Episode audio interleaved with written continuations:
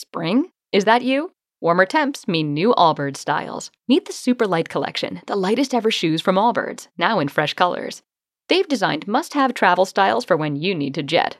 The lighter than air feel and barely there fit makes these shoes some of the most packable styles ever. That means more comfort and less baggage. Take the Super Light Tree Runner on your next adventure. Its cushy, lightweight foam midsole supports every step, and the extra outsole traction gives you the grip to just go for it. The eucalyptus fiber upper adds next level breathability to keep you going all day. Plus, the super light tree runner is comfortable and ready to go right out of the box. So, what can you do in a super light shoe? What can't you do is the better question. And because they're super packable, the real question is where are you taking them? Experience how Allbirds redefines comfort. Visit allbirds.com and use code SUPER24 for a free pair of socks with a purchase of $48 or more. That's A L L B I R D S dot com, code SUPER24.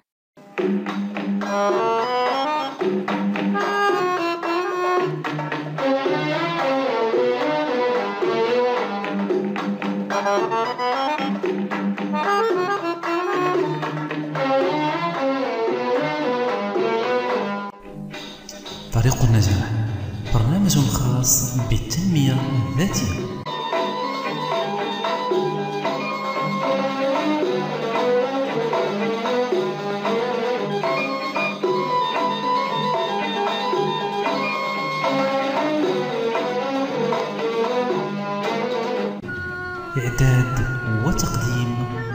الأستاذ حسن يوسف.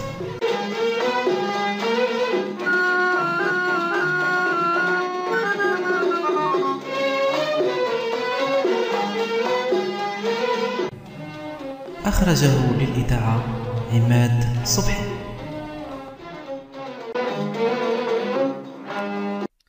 السلام عليكم ورحمة الله تعالى وبركاته.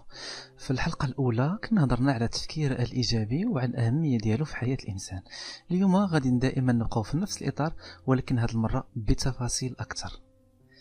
ملي تنحط أي هدف حينما نضع أي هدف في حياتنا هناك ثلاث أنواع من الناس. النوع الأول هو الإنسان الواقعي. سوف يقول لك ممكن أن يتحقق الهدف الذي أنا وضعته لنفسي. هذا نقول عنه إنسان واقعي. الإنسان الذي يفكر بشكل إيجابي ماذا سيقول؟ سوف يقول لك سوف يحدث. بمعنى مهما كانت الظروف والمصاعب سوف أحصل على ما أريد. سوف أحقق هدف أو الهدف الذي أنا أريده. الإنسان الذي لديه طاقة سلبية وتفكير سلبي ماذا سيقول؟ سوف يقول لن يحدث. بمعنى أن الهدف الذي وضعه ربما لن يحدث أبدا في حياتي. هنا خاصنا نختاروا شكون هي أفضل حالة نفسية اللي ممكن تساعدنا على تحقيق الهدف ديالنا. لو قلت ممكن يحدث دونك هنا تنبدا في عامل الشك قد يحدث أو قد لا يحدث. وفي حالة حالة شك يعني نفسيا ملي تكون عندنا حالة شك غالبا كنبدأو نفكروا بشكل سلبي وما كنقدروش نوصلوا الأهداف ديالنا علاش؟ حيت قلنا يمكن. الإنسان السلبي اللي غادي يقول لك لا لن يمكن هنا هو حط نفسه في واحد الهالة من الطاقة السلبية اللي مهما تحط له من الإمكانيات ومن آه الوسائل لن يحصل على الهدف الذي وضعه لنفسه. كيبقى الحل الأخير هو الإنسان الذي يفكر بشكل إيجابي أشنو غادي يقول؟ نعم سيحدث سأحصل على ما أريد. هنا سوف يشحن نفسه بطاقة إيجابية عظيمة جدا. وفي أغلب الحالات مع القدرات النفسية والطاقة التي يشحن بها نفسه سوف يصل للهدف الذي وضعه لنفسه. إذا هناك ثلاث حالات من الناس. نوع يفكر بإيجابية وهذا هو الأجمل. نوع يفكر بواقعية وهناك تبدأ مرحلة شك. ونوع آخر يفكر بطريقة سلبية وهذا يلزم تفاديه. في الحلقة الماضية أيضا كنا تحدثنا عن آه، عدة آه، تمارين ممكن أن تساعدنا في تقوية التفكير الإيجابي لكن هذا لا يمنع أننا يلزم أن نفكر بواقعية في بعض الأحيان. مثلا آه، حين تكون هناك ضغوطات نفسية كثيرة لا يلزم أبدا أخذ القرارات مهما كانت طبيعتها في حالة ضعف أو في حالة غضب شديد. وهذه من الأشياء المهمة أيضا في الحياة العامة وفي الحياة آه، الشخصية. لا ينبغي أبدا اتخاذ القرارات الهامة ونحن في حالة غضب لأن غالبا ما تكون قرارات غير صائبة. كما, أن كما أنه أيضا لا يلزم إعطاء وعود حينما نكون في قمة السعادة والفرح حتى لا نتعرض للإحراج بعد ذلك.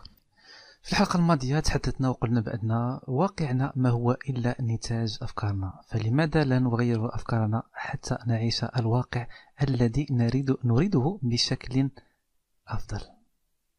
من الأبيات الشعرية الجميلة الجميلة أقول المشهورة في الشعر العربي.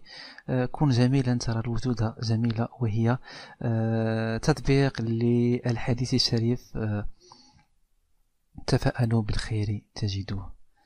فلنكن متفائلين ونعرف إن شاء الله بأن الغد سوف يكون أفضل وأحلى وأجمل. ألقاكم في الحلقة القادمة بإذن الله إلى الملتقى.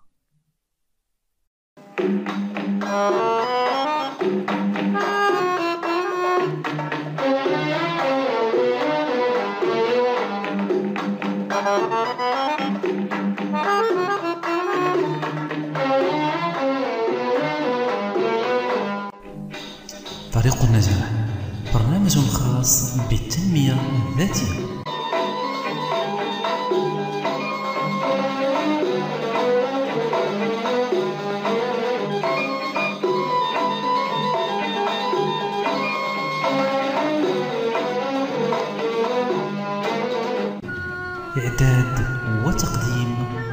الأستاذ حسن يوسف.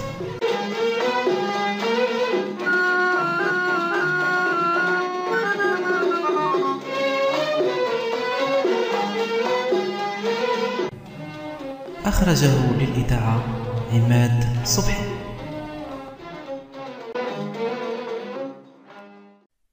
مستمعينا الكرام مساءكم سعيد.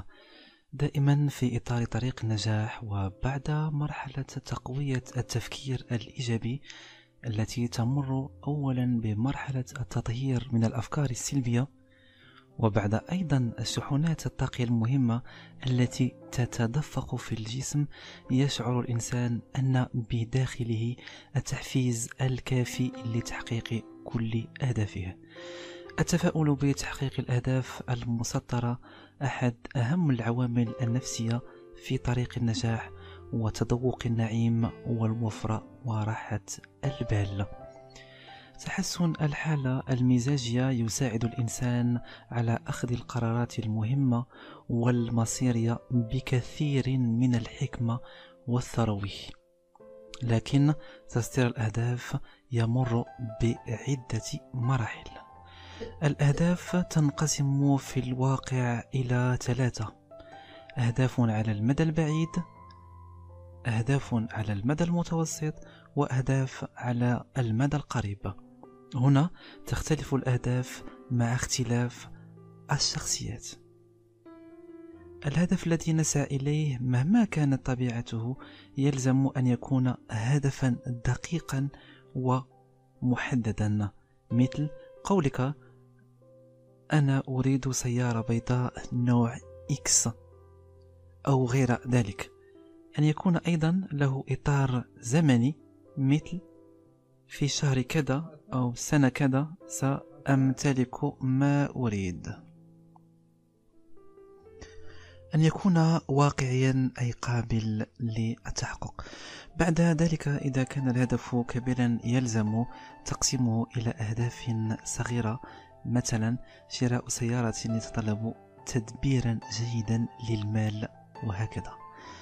بعد هذه المرحلة المهمة تأتي مرحلة التخيل أو المعايشة مثل قولك أنا الآن أمتلك السيارة التي أريد. هكذا ترسل إشارات للعقل الباطني الذي لا يميز بين الواقع والخيال فيبدأ جسمك بإنتاج ذبذبات متوافقة مع ما تريد. المرحلة الرابعة مهمة للغاية وتتعلق بكتابة الهدف المراد الحصول عليه حيث أثبتت دراسات أن الأشخاص الذين يكتبون أهدافهم وهم يمثلون فقط 2% يتضاعف معدل نجاحهم عشر مرات وأثبتت أيضا دراسات أخرى أن 90% من الأهداف المكتوبة تتحقق. إذا فهذا الحد الوافر من النجاح هو حليف من يستطيع أن يكتب أهدافه بدقة متناهية أو أن يستقطع جزءا من وقته للتخطيط لحياته سواء على المدى القريب أو المتوسط أو البعيد. من هذا المنطلق تتجلى أهمية صياغة الأهداف والتخطيط الاستراتيجي ليس فقط على المستوى الفردي فحسب بل أيضا على المستوى الجماعي. إذا فعليك بكتابة الهدف وذلك بخط كبير وواضح في ورقة بيضاء. ثم ضع هذه الورقة في مكان يسهل عليك الاطلاع عليه. فقد ثبت أن كتابة الأهداف هي وسيلة جد فعالة في جعل العقل الباطن مستعد لتصديق إمكانية حدوث هذا الهدف وهي وسيلة في تحديد الهدف وتحقيقه في المدى القريب أو المتوسط أو البعيد. ألقاكم في حلقة الغد إلى الملتقى. طريق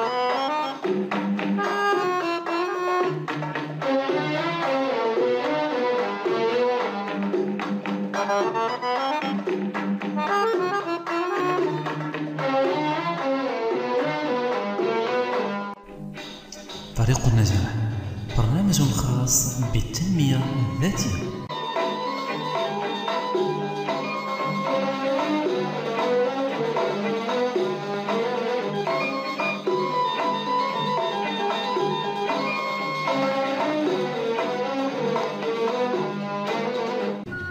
إعداد وتقديم الأستاذ حسن يوسف.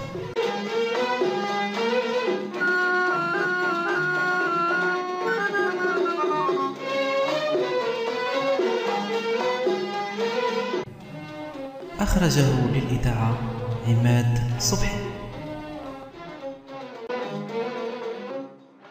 مستمعينا الكرام مساءكم سعيد.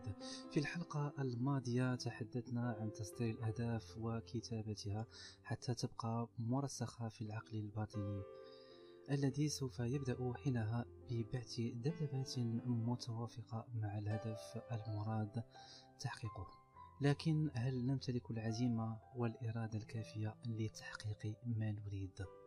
هذا ما سنعرفه في حلقة اليوم. الإصرار والعزيمة والإرادة كلها مرادفات مهمة لتحفيز الداخلي مهما تكون العقبات التي تمنعك من تحقيق أهدافك. فإن إصرارك الشديد على بلوغها هو أساس النجاح الرغبة الملحة في تحقيق الهدف تصنع المعجزات. من المؤكد سوف تجد العديد من البندولات الطاقية التي سوف تبعدك بكل قوة عن تحقيق أهدافك لكن لا تستسلم. فلا نجاح بدون ثقة الإنسان بذاته وإصراره الشديد.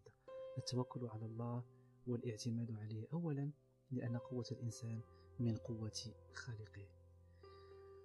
وتبقى العزيمة هي الأمل الوحيد في طريق النجاح لكن لابد من تعزيزها بالصبر والمثابرة والإصرار لتصبح أكثر قوة وصلابة لتصل بنا إلى النجاح المرجو. وبما أننا نحتاج بين الحين والآخر لكلمات تساعدنا على تحفيز وتشحذ الهمم اخترت لكم بعض الأقوال عن العزيمة. الإرادة هي الفكرة والعزيمة هي الروح. أرثر شوبنهاور الإرادة هي ما يدفعك الخطوة الأولى على طريق الكفاح. أما العزيمة فهي ما يبقيك على هذا الطريق. حتى النهاية. كل الشدائد والعقبات التي واجهتها في حياتي زادت من عزيمتي. قد لا تدرك هذا وقتما تلاقيك المحنة ولكن ركلة على أسنانك قد تكون أفضل ما يحصل لك في العالم. والت ديزني.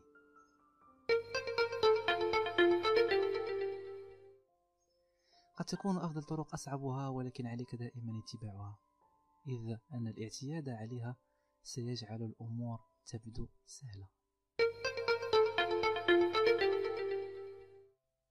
ويقول أبو طيب المتنبي على قدر أهل العزم تأتي العزائم وتأتي على قدر الكرام والمكارم وتعظم في عين الصغير صغارها وتصغر في عين العظيم العظائم.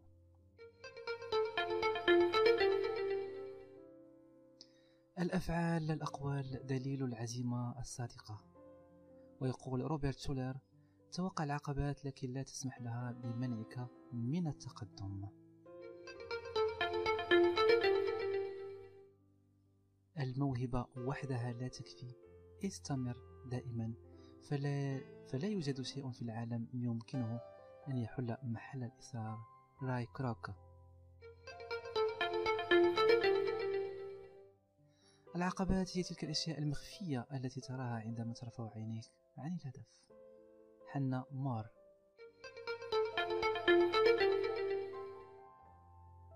سقوط الإنسان ليس فشلا ولكن الفشل أن يبقى حيث سقط.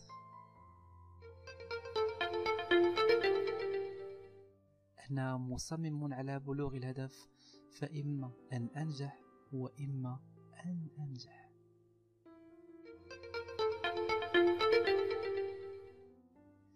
تتحقق الكثير من الأشياء المهمة في هذا العالم لأولئك الذين أصروا على المحاولة على الرغم من عدم وجود الأمل.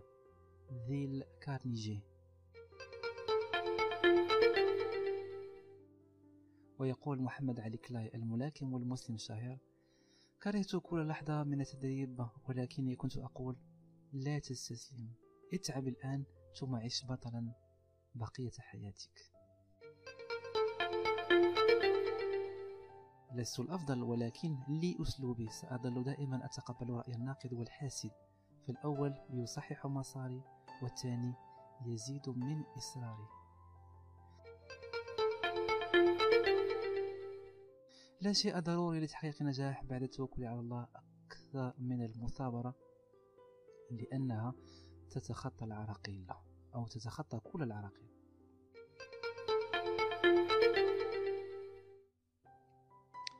اقبل التحديات لكي تتمكن من الشعور بنشوة النصر. جورج باتو.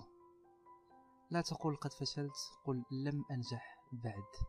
ويقول روث فريدمان فقط من يتحدى هو من يعيش. أما عمر المختار فيقول إن الضربات التي لا تقسم ظهرك تقويك. ولكي تعودوا أنفسكم على الإصرار إليكم هذه التمارين. أولا ضع أهدافا يومية بسيطة حتى يتعود عقلك الباطني على أنك مصر على النجاحات. ابذل ما تستطيع من جهد في أي هدف تسطره تحدث مع نفسك إيجابيا مثل قولك أنا قوي أنا ذا إرادة أو ذو إرادة أنا مصر على تحقيق أهدافي تفادى التسويف والتأجيل مهما كان. تعلم عدم الاستسلام أبدا. وازرع في أعماق نفسك الثقة بالنفس واتخذ النجاح شعارك في الحياة. في الحلقة القادمة إن شاء الله سوف نتعرف عن معاني الفشل. لماذا؟ نفشل رغم أننا نكون بعض الأحيان مصرين على النجاح. إلى الملتقى. طريق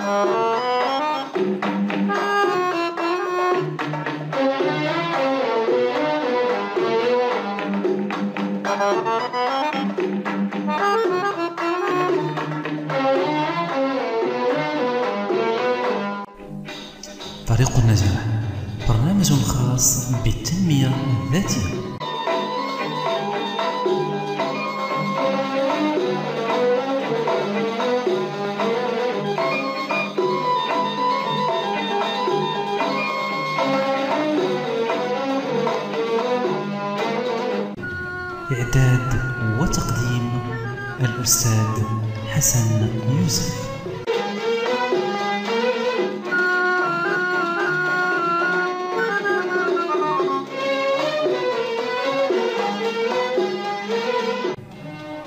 أخرجه للإذاعة عماد صبحي. من المؤكد أن طريقك إلى تحقيق أهدافك لن يكون مفروشا بالورود لكن تسلحك بالعزيمة والإصرار والإيمان الشديد بأنك ماض في تحقيق هدفك كفيل بتحقيقك لما تريد. لكن ينبغي أولا شحذ الهمم وإنشاء الطاقة الإيجابية التي تجعل ذبذباتك متوافقة مع حجم ما تريد. إنه ببساطة مواجهة أسباب الفشل بالطاقة وقوة التفكير الإيجابي. هذا هو موضوع هذه الحلقة فمرحبا بكم مستمعين الكرام.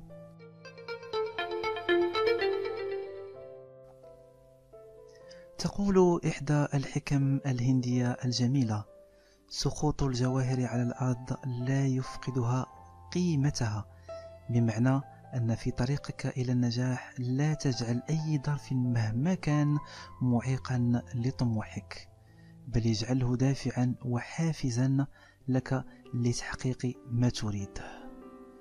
إن تسلحك أحيانا بالعزيمة قد لا يكفي لهذا برمجة عقلك الباطني على قبول التحديات مسألة في غاية الأهمية. قولك سأصل لا محالة لما أريد ومهما كانت الظروف أعتبره شخصيا واحدا من أقوى الرسائل للعقل الباطني لركوب موجة التحدي والإصرار.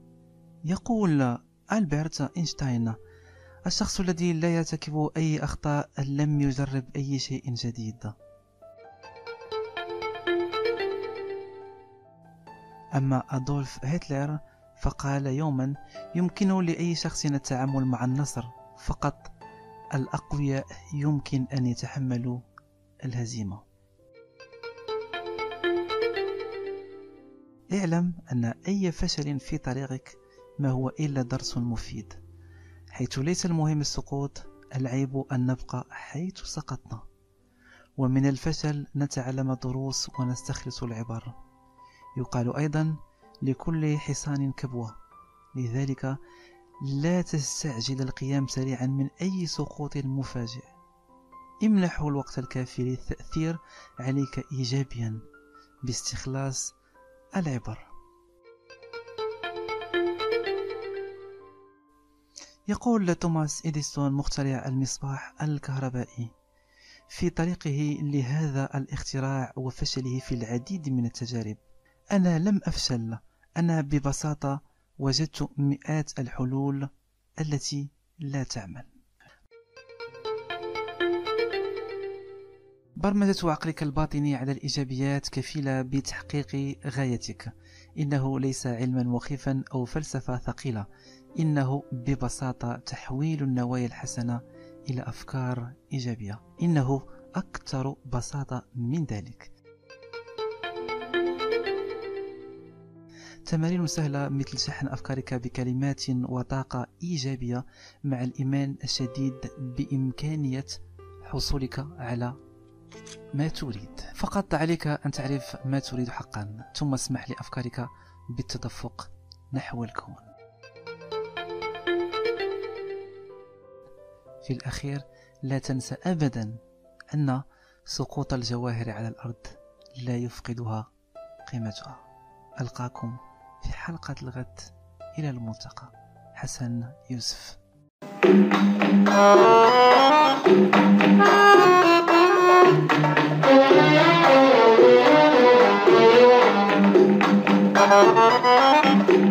طريق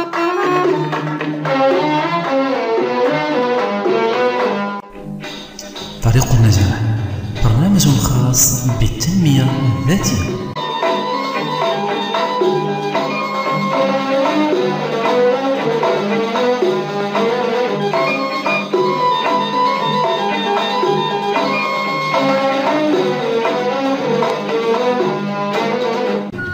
إعداد وتقديم الأستاذ حسن يوسف.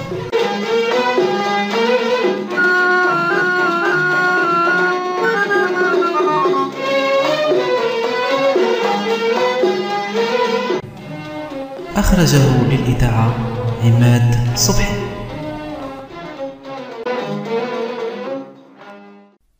مستمعينا الكرام مساءكم سعيد. في الحلقات الماضية تحدثنا عن تسطير الأهداف والإصرار ومقاومة الفشل وتحدثنا أيضا عن الطاقة الإيجابية. فماذا بعد؟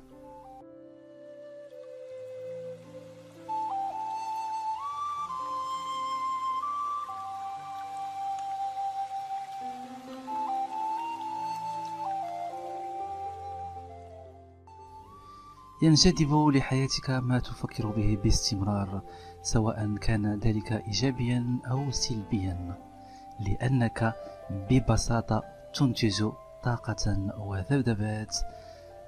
ذلك أن كل ما يحيط بنا يتكون من طاقة وترددات.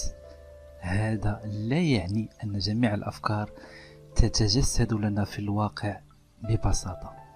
لا لأنها ضعيفة ولا تتكرر كفاية. فهي تملك طاقة ضعيفة جدا فلا ننتظر أن تتجسد لنا في الواقع. لذلك أفكارنا ينبغي أن تتكرر بما فيه الكفاية في عقلنا الواعي واللاواعي أيضا لتحصل على قدر كاف من القوة. أنذاك ممكن أن تتجسد بسهولة على أرض الواقع.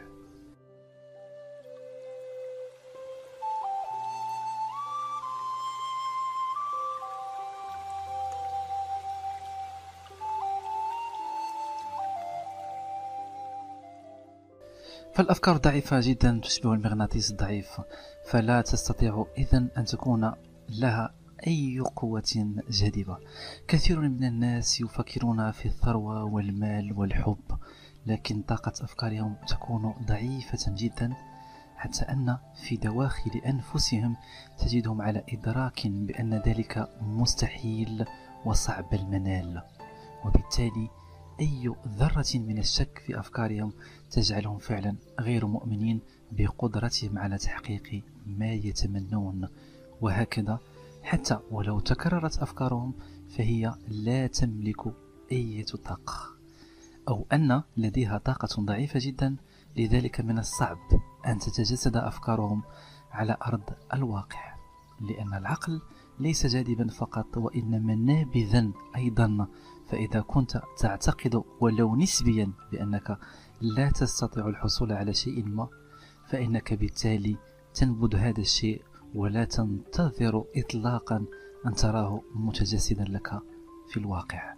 لذلك فالشعور بالعجز والضعف والخوف والدنيا تشكل في عقلك قوة نابذة فأنت إذا تحرر أفكارا سلبية تأخذك بعيدا جدا عما تريد حقا.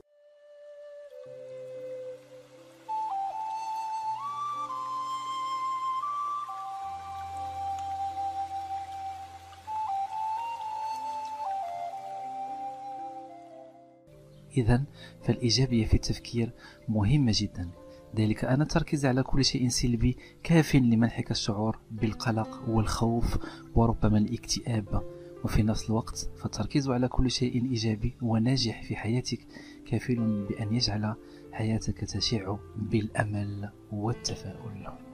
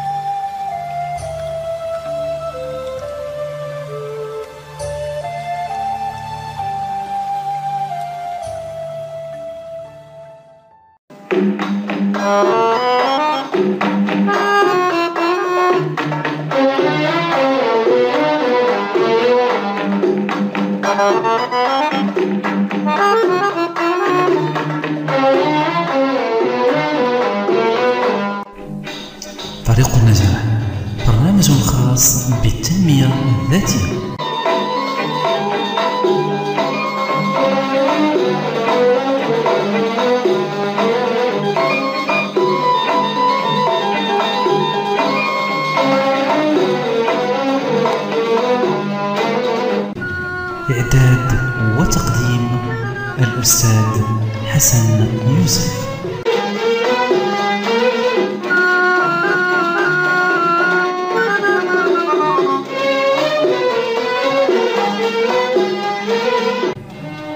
أخرجه للإذاعة عماد صبحي. مستمعينا الكرام مساءكم سعيد. في الحلقة الماضية تحدثنا عن قوة العقل الباطن وكيف يساعدنا على تحقيق ما نتمنى. في حلقة اليوم سوف نتحدث عن كيفية إنتاج أفكار بطاقة كبيرة. فمرحبا بكم.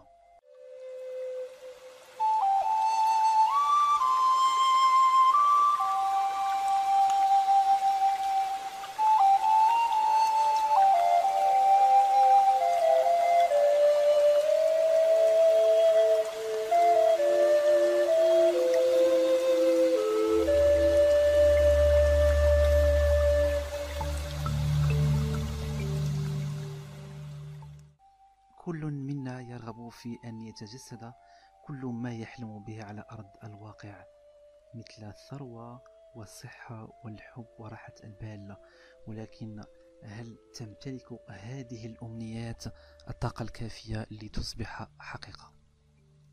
إن عقلنا اللاواعي لا يميز بين الحقيقة والخيال كما أن الترددات التي يرسلها عقلنا الباطني ما هي إلا صفة مختزلة من تفكيرنا الواقعي.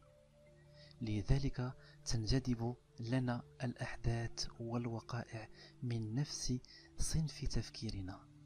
مثلا إذا قمت من النوم وكسرت بعض الأواني عن غير قصد من المحتمل جدا أن لا يشتغل محرك سيارتك أو أن تصل متأخرا عن عملك أو حتى أن تدخل في جدال مع رئيسك في العمل لأنك ببساطة ترسل إشارات سلبية نحو محيطك. فلا تتوقع إذن أن تسير أمورك على خير ما يرام.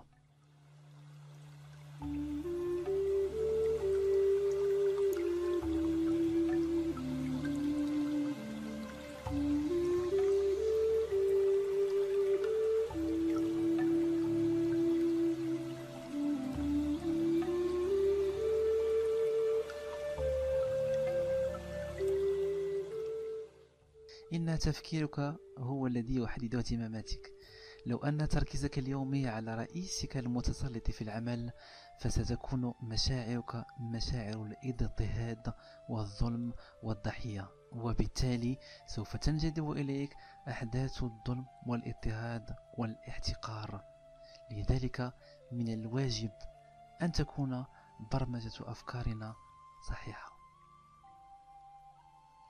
فإذا كنت مثلا تفكر في الحصول على شقة سكنية فهذه الرغبة ممتازة.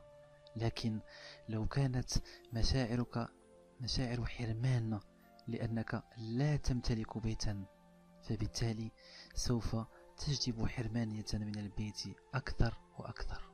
إن كل فكرة ما خطرت على بالنا تمتلك طاقة. فكيف أجعل ما أتمنى إذن بالطاقة اللازمة التي تسمح له؟ أن يصبح حقيقة.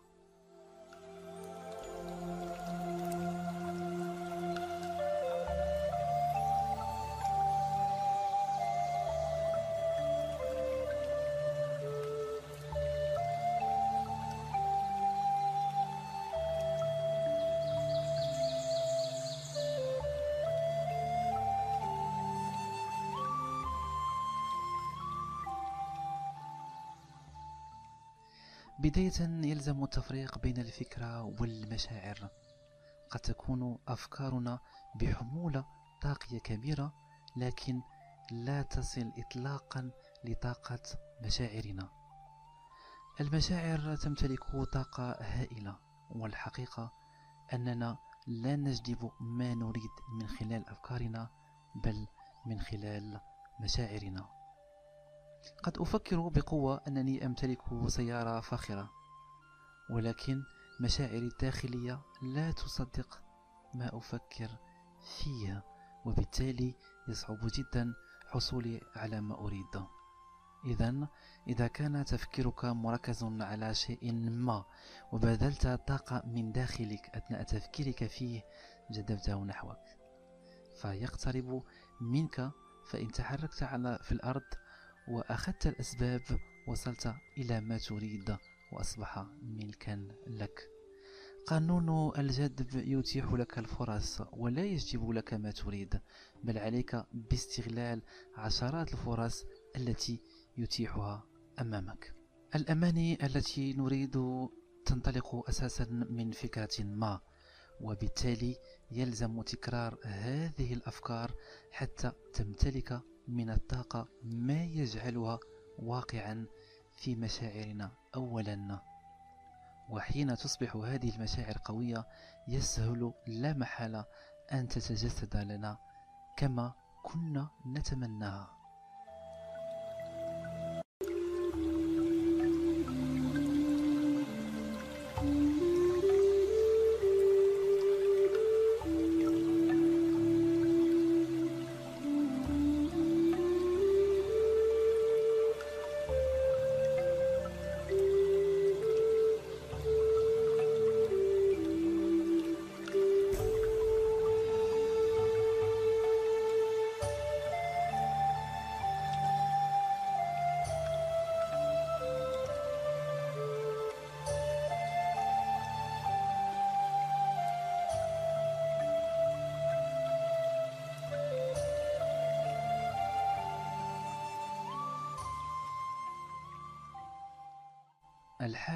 النفسية أيضا مهمة جدا في تحقيق الغايات وهي مركبة من الأفكار والتصورات والمعتقدات والتوقعات والأحاسيس. فإذا كنت تجهل ما تريد فقانون الجذب لا يعمل بطريقة صحيحة معك. لكي تتجسد أحلامنا واقعا أمامنا يلزم أن تكون أفكارنا صحيحة. لذلك نحتاج لشحنها مع طاقة المشاعر الداخلية مع إزالة مشاعر الشك والخوف من دواخلنا لذلك لو كانت مشاعرك صادقة من الداخل وما تريد فعلا واضحا أمامك سيأتيك الكون بعشرات الفرص بإذن الله. فقط أحسن الاختيار. ألقاكم في الغد إلى الملتقى.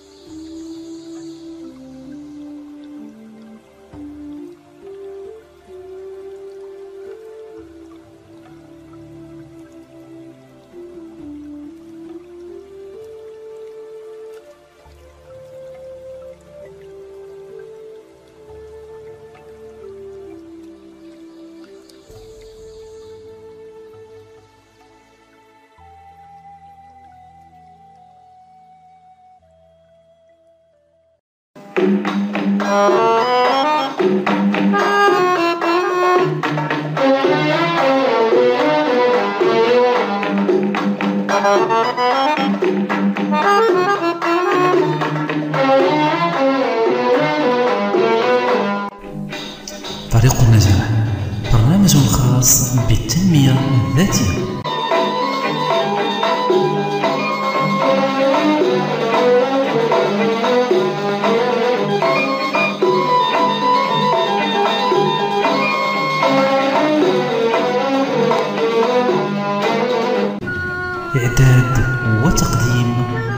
الأستاذ حسن يوسف.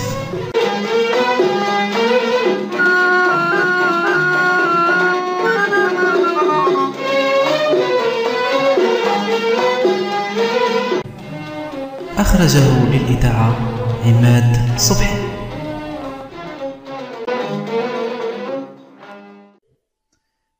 كنت ترغب حقا في التغيير والسير على خطى المتفوقين. فمرحبا بك في الحلقة الثامنة من طريق النجاح.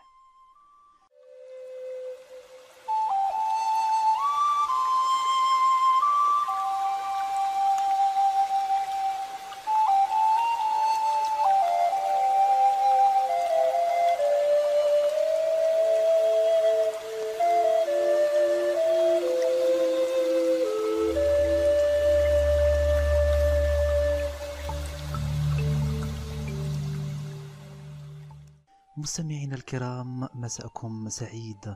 هل تدركون فعلا أن العقل الباطن لا يميز بين الحقيقة والخيال؟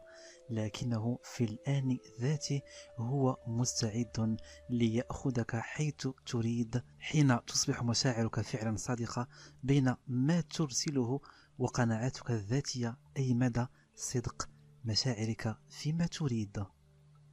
إن الشعور الصادق بما نريده فعلا يجعل عقلنا ينتج الذبذبات المتوافقة مع ما نحتاجه فعلا لكن هل يستطيع كل منا أن ينتج هذه الأفكار بالطاقة الكافية؟ طبعا لا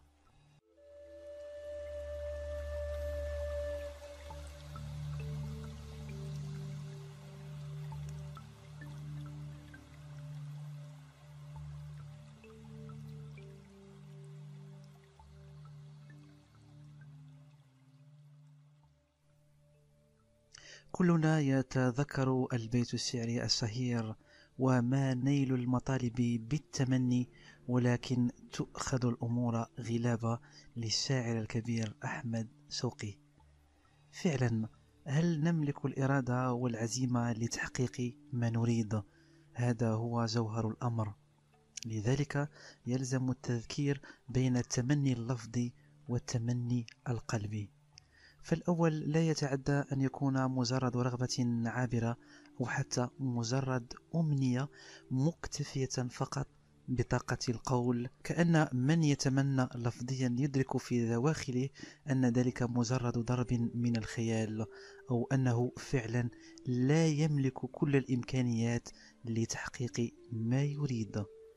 هكذا يرسل إشارة العجز الفعلي لعقله فلا ينتظر إطلاقا معجزة. أما النوع الثاني من التمني وهو التمني القلبي فهو تلك الرغبة الصادقة النابعة من القلب كأن صاحبها يقول مع نفسه سوف أصل آجلا أم عاجلا لما أريد. هكذا يرسل اليقين لعقله فيصبح يصدق فعلا أن ذلك المنى في طريقه لا محالة للتجسد على أرض الواقع وبالتالي فهو يعطي كل الانطباع على أنه يملك كل الأدوات اللازمة لتحقيق ما يريد وبالتالي يبدأ العقل الباطن في إنتاج ما يكفي من الطاقة لهذه الأمنيات حتى تكون يوما ما أمامه واقعا.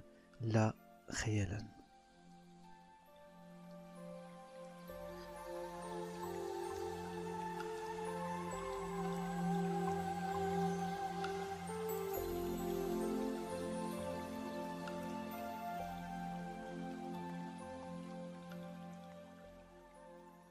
لكن هل مجرد التمني يجعلنا نصل لما نريد؟ اطلاقا لا. لذلك ذكرنا بالبيت الشعري وما نيل المطالب بالتمني. لذا لا يكفي مجرد أن نتمنى شيئا أن نجده واقعا أمامنا. إطلاقا. لكن حين تكون هذه الأمنية مشتعلة ومشرقة في دواخلنا سوف يرسل الكون بإذن الله كل الإشارات اللازمة لكي نحقق ما نريد. لأن قانون الجذب لا يجب فعل الأشياء لكن يجلب لك الأحداث الواحدة تلو الأخرى وكلها متوافقة مع ما تريد.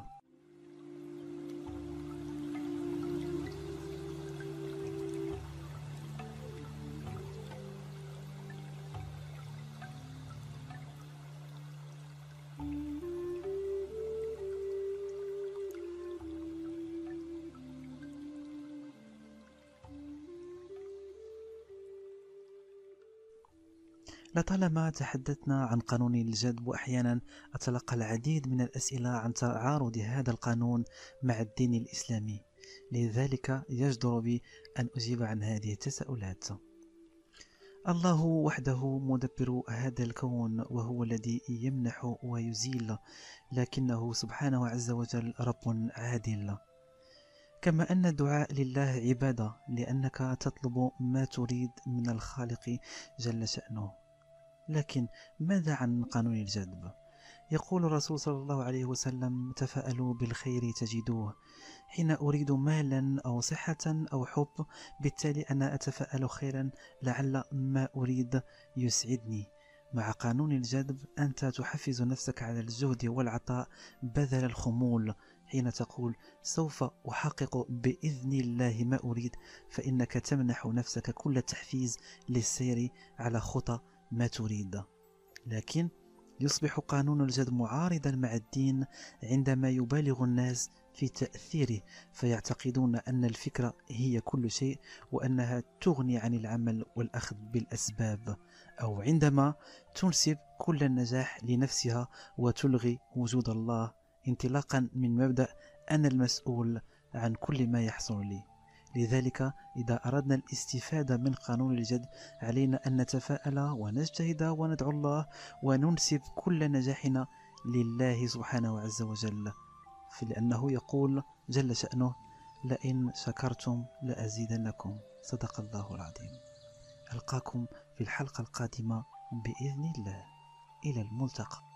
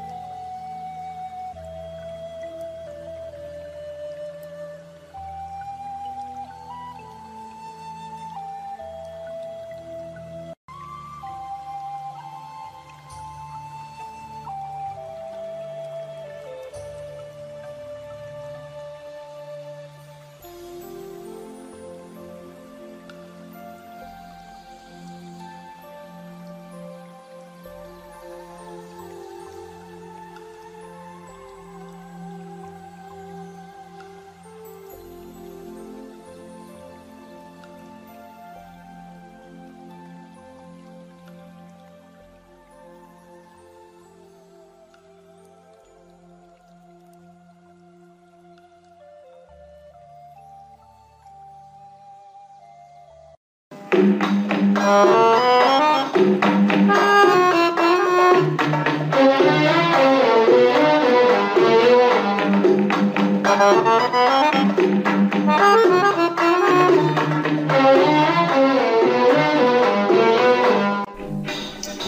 النجاح برنامج خاص بالتنمية الذاتية.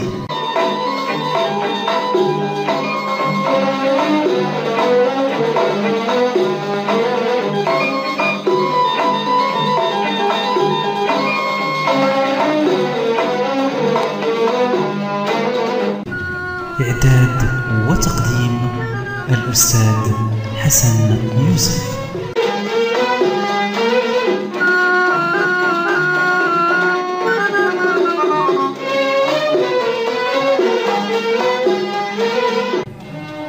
أخرجه للإذاعة عماد صبحي.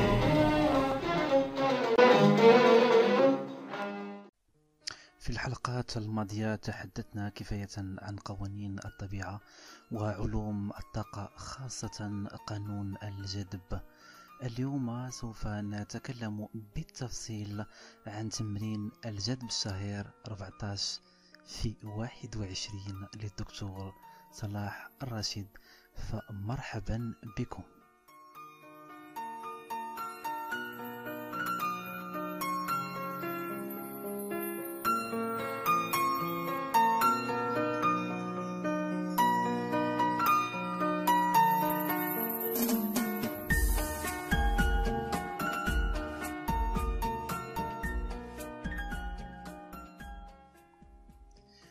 توجد في الواقع العديد من التمارين والتي سوف أتكلم عنها لاحقا. منها بعض التمارين من إنجازي الشخصي لكن في هذه الحلقة سوف نتكلم بالتفصيل عن قانون 14 في 21 طالما نحدد أهدافا في حياتنا الخاصة والعامة نسعى أحيانا لتحديد العديد من الأولويات في الحياة مثل المال الصحة والمسائل العاطفية. حتى نقترب من بلوغ مساعينا سبق أن تحدثنا عن الإصرار والعزيمة والتحديد الدقيق لما نريده فعلا. وتحدثنا عن طاقة الفكرة والمشاعر القوية التي تسمح لنا فعلا بخلق أهداف ذات حمولة طاقية كبيرة تسمح لها بالتجسد على أرض الواقع. من بين التمارين القوية التي تساعد على جذب الأحداث المتوافقة مع نريد هناك تمرين 14 في 21 الشهر. ملخص التمرين يقوم على كتابة الهدف الذي نريده بالصيغة الإيجابية لأن من أدبيات طلب الحاجة إزالة فكرة الحرمان. بل حتى في الدعاء لله عز وجل نستحضر دائما أدب الدعاء. فعوض أن أقول يا رب لا تحرمني من كذا الأجدر أن أقول يا رب امنحني كذا. لأنه في الصيغة الأولى حين تقول يا رب لا تحرمني من كذا كأننا ألصقنا بالذات الإلهية طابع الحرمان فلا يصح أن نستعمل مثل هذه الألفاظ. في قوانين الجذب وخاصة تمرين 14 21 يلزم صياغة الفكرة بالإيجاب مع الصيغة الآنية. حتى نستبعد طابع الاحتياج من عقلنا لأنه لو احتجنا فعلا لحاجة وكنا نطلبها بإلحاح سوف نحصل على المزيد من الحرمان من تلك الحاجة ببساطة لأن مشاعرنا مشاعر احتياج. إذا قلنا الصيغة مهمة في الكتابة. مثلا نكتب أنا الآن بصحة جيدة. أو أنا الآن أشعر بالوفرة في المال أو أنا الآن مع حبيبي أو حبيبتي فلانة. هكذا تكون صيغة إيجابية خالية من الحرمان وفي نفس الوقت هي صيغة الحاضر. لذلك يجب أن تكون صياغة الكتابة واضحة ودقيقة وقوية وقصيرة أيضا. حين نكتب الهدف الذي نريده يلزم أن تكون المشاعر قوية لذلك لا ينفع أن أشعر بالحرمان الفعلي من شيء وكل مشاعر سلبية أثناء الكتابة. بل يلزم أن تكون الحالة النفسية قوية وواثقة ومليئة بالاسترخاء. بعد كل كتابة يلزم ذكر ردة الفعل الفكرية الآنية. سواء كانت سلبية أو إيجابية أو محايدة. مثلا أنا الآن مع حبيبي فلان. أكتب بعدها ردة الفعل مباشرة. مثلا رائع. هناك إذن مشاعر إيجابية. أو أكتب أنا غير مقتنع أو غير مقتنع بالتمرين. إذا هنا مشاعر سلبية. أو أكتب ربما. هنا تكون مشاعر محايدة. المهم أن نكتب ما يخطر على بالنا بغض النظر عن طبيعة ردة الفعل. هل هي إيجابية سلبية أو محايدة؟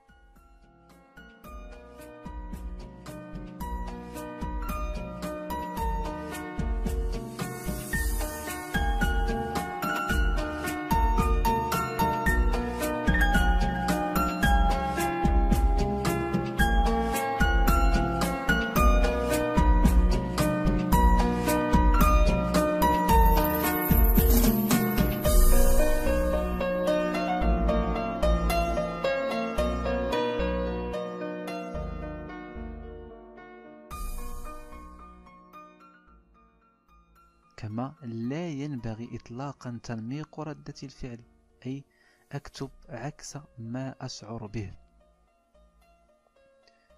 تكرر الكتابة مع ردة الفعل لمدة واحد أو لواحد وعشرين مرة أقول وهو العدد الكافي ليجعل كل فكرة مكتوبة تتركز في العقل الباطن.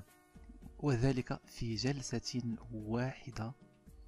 الكتابة يلزم أن تخلو من المقاطعات كالرد على الهاتف أو شرب القهوة أو غير ذلك. علماء النفس يقولون أن الإنسان حتى يتبرمج على مسألة أو سلوك معين يلزمه من 6 إلى 21 يوم. لذلك تم الأخذ بالنسبة القصوى لضمان النتيجة. يكرر إذا هذا التمرين اليومي بشكل مستمر لمدة 14 يوم دون انقطاع. في أي وقت من اليوم؟ في مكان هادئ بعيدا عن الضوضاء ودون أن يشغل تفكيرك أي شيء. إذا توقفت ولو يوم واحد يجب أن تبدأ من جديد. يجب التركيز على الجملة وليس على ردة الفعل.